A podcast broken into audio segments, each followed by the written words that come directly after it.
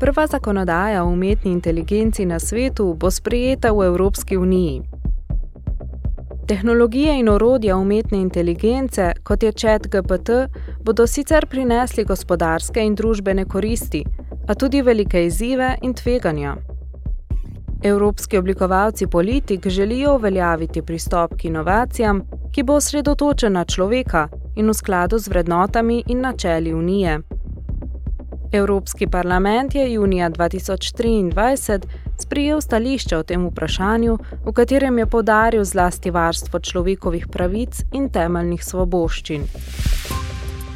Poslušate program Novi izzivi, boljša zakonodaja.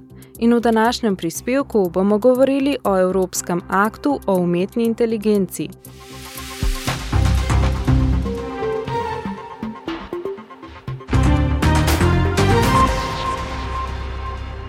V zadnjih mesecih je umetna inteligenca postala splošno dostopna, z orodji, ki na zahtevo uporabnikov ustvarjajo vsebine.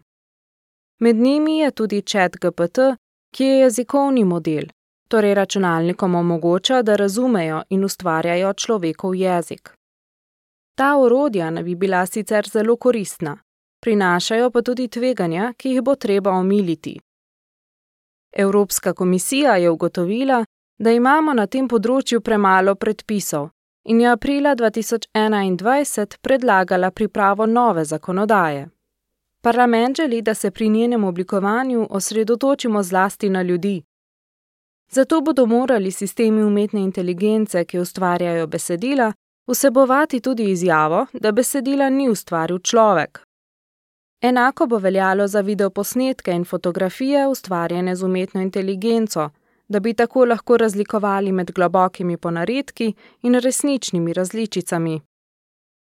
Pravila bodo hkrati zagotavljala, da bo razvoj umetne inteligence skladen z vrednotami Unije, kot so človeški nadzor, zasebnost in preglednost.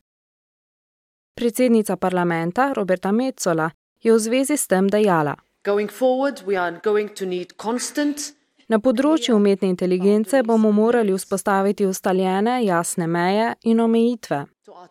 Vsak korak naprej na področju tehnologije bo moral biti v skladu z našimi temeljnimi pravicami in demokratičnimi vrednotami. In pri tem ne bomo popuščali. Tudi kako bo zakonodaja urejala ta vprašanja? Zakonodajo bomo umetno inteligenčne sisteme razvrstili glede na njihovo stopnjo tveganja. Parlament želi prepovedati sisteme, ki predstavljajo nespremljivo tveganje za varnost ljudi kot so urodja, ki ljudi identificirajo na javnih mestih in v realnem času. Zakonodaja bo prav tako prepovedala naknadno identifikacijo z uporabo umetne inteligence, razen ko gre za preiskave hudih kaznjivih dejanj in je to odrejeno sodnim pooblastilom. Prav tako niso dovoljena tista urodja, ki uporabljajo fizične lastnosti ljudi za določanje značilnosti, kot so spol, rasa ali vera. Druga stopnja tveganja pa je umetna inteligenca z velikim tveganjem. V skladu z zakonodajo sistemi z velikim tveganjem ogrožajo zdravje in varnost ljudi, njihove temeljne pravice ali okolje. Mednje sodijo tudi orodja, ki se uporabljajo za vplivanje na voljivce med političnimi kampanjami. Za to vrstno umetno inteligenco bo treba izvesti oceno učinka na temeljne pravice in se posvetovati s pristojnim organom, Tretja stopnja tveganja pa zajema umetno inteligenčne sisteme z omejenim tveganjem, ki bodo morali izpolnjevati osnovne obveznosti glede preglednosti.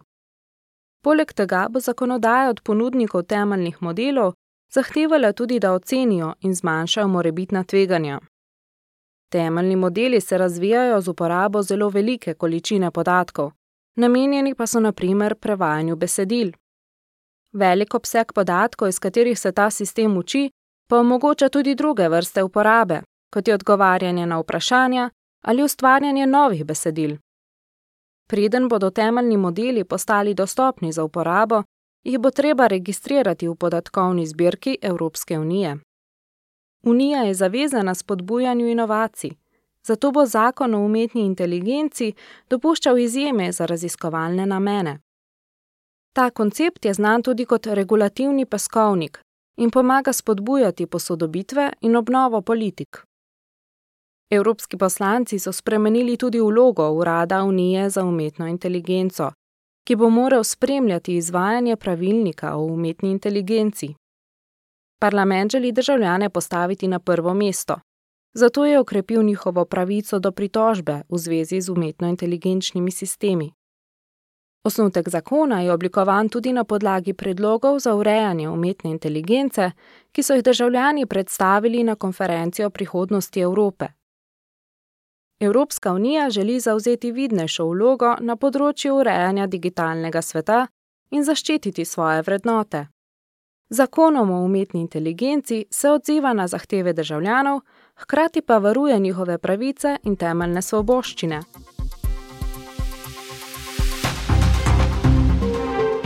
To je bil prispevek Evropskega parlamenta. Več informacij je na voljo na našem spletnem mestu.